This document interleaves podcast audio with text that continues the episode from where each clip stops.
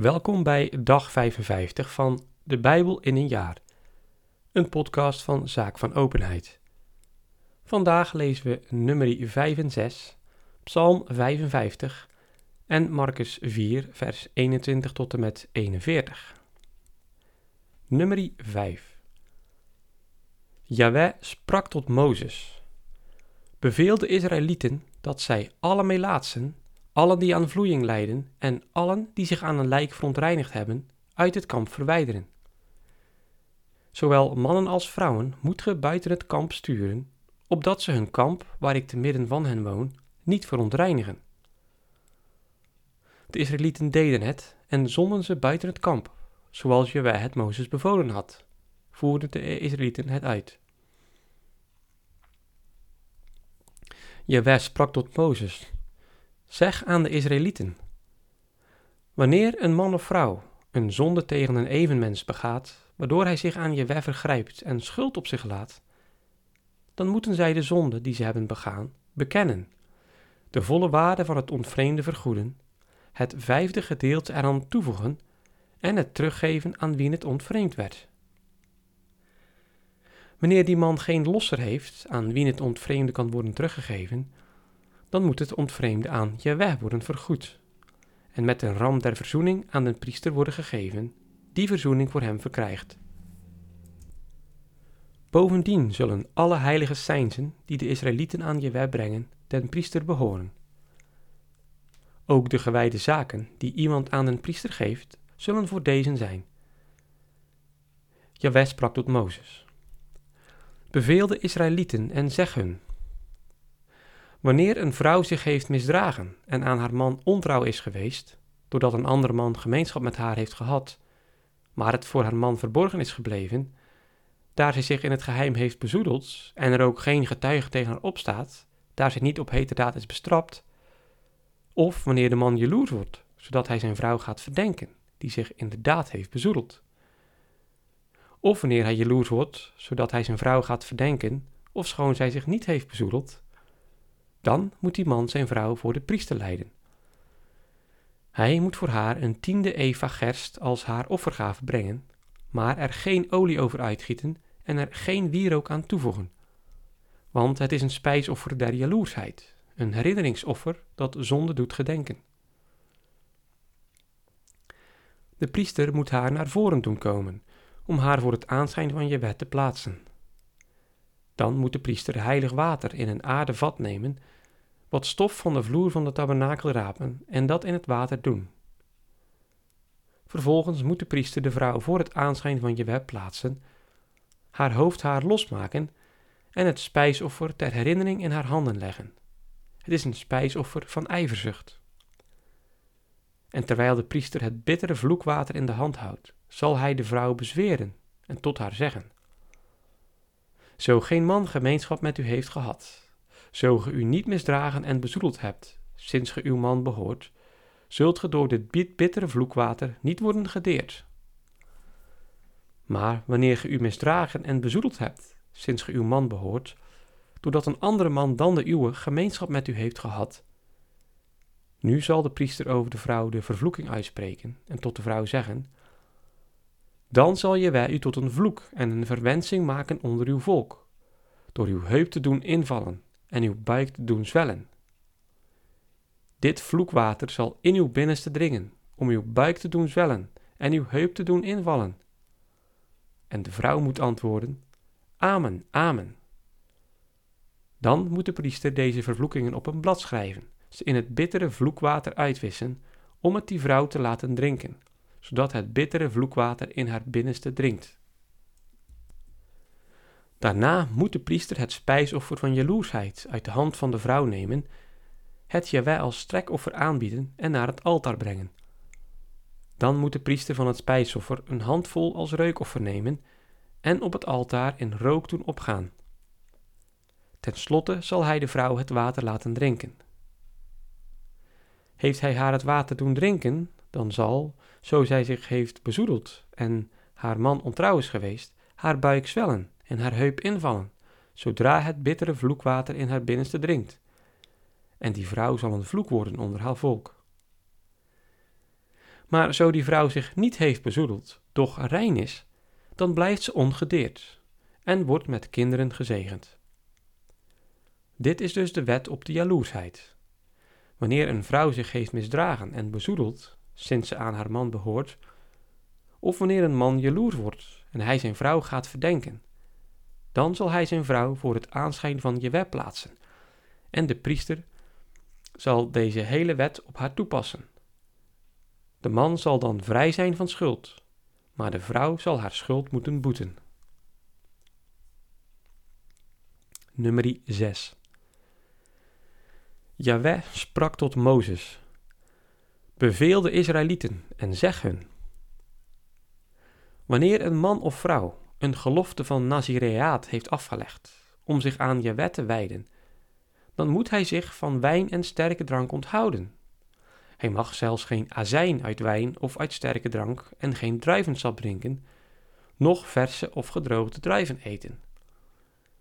Al de tijd van zijn Nazireaat mag hij niets eten, wat van de wijnstok wordt gewonnen, zelfs geen pitten en schillen.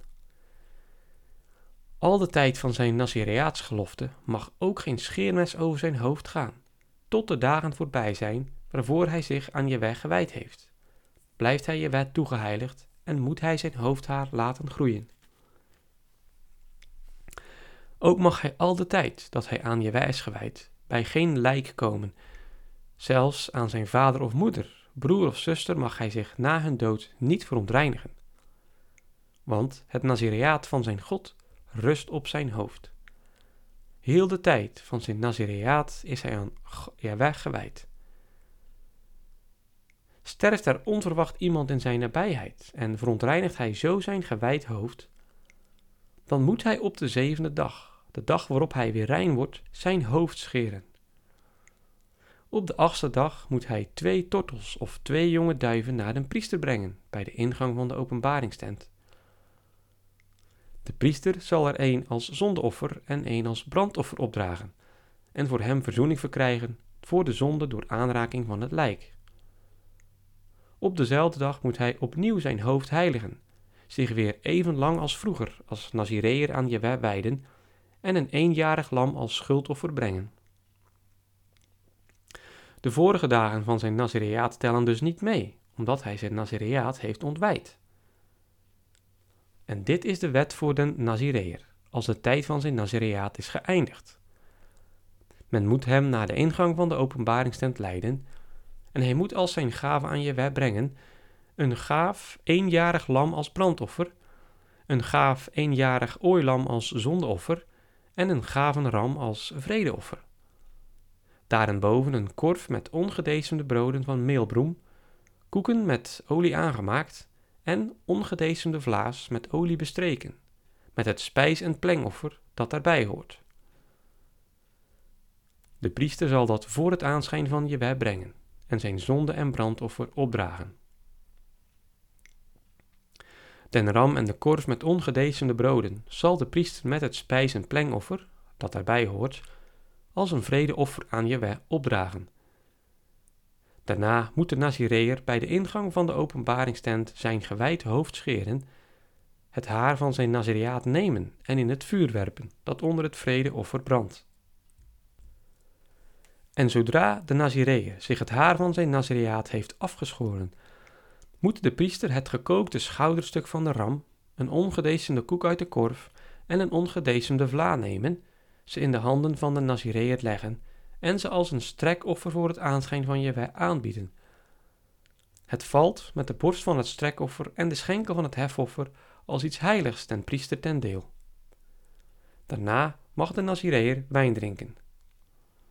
Dit is voor de Nazireër, die de gelofte heeft afgelegd, de wet over zijn gave aan Jewe op grond van zijn Nazireaat, afgezien van wat hij vrijwillig brengt, krachtens de wet van zijn Nazireaat moet hij alles zoveel brengen als hij het Jaweh beloofd heeft. Nog sprak Jaweh tot Mozes, Zeg aan Aaron en zijn zonen, zo moet ge de zegen over Israëls kinderen uitspreken. Jaweh zegene u en behoede u. Jaweh doe zijn aangezicht over u lichten en zij u genadig. Jaweh wende tot u zijn gelaat en schenke u de vrede.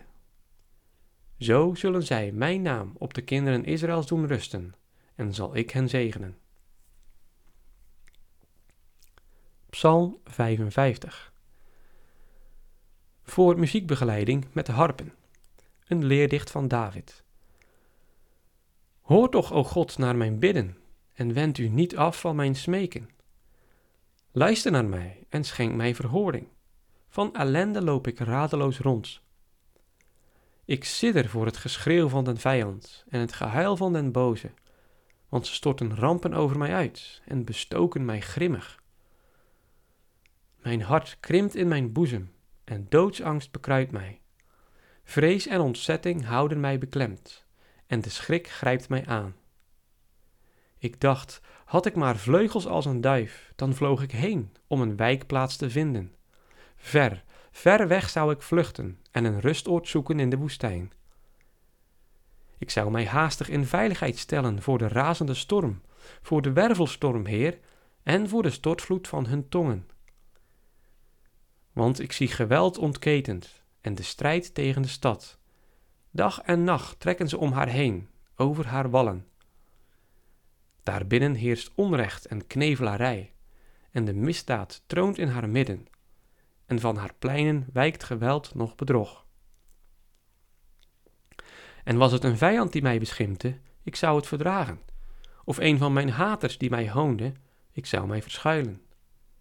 Maar gij, een man van mijn stam, mijn vriend en mijn makker, met wie ik vertrouwelijk omging, eendrachtig leefde in Gods huis.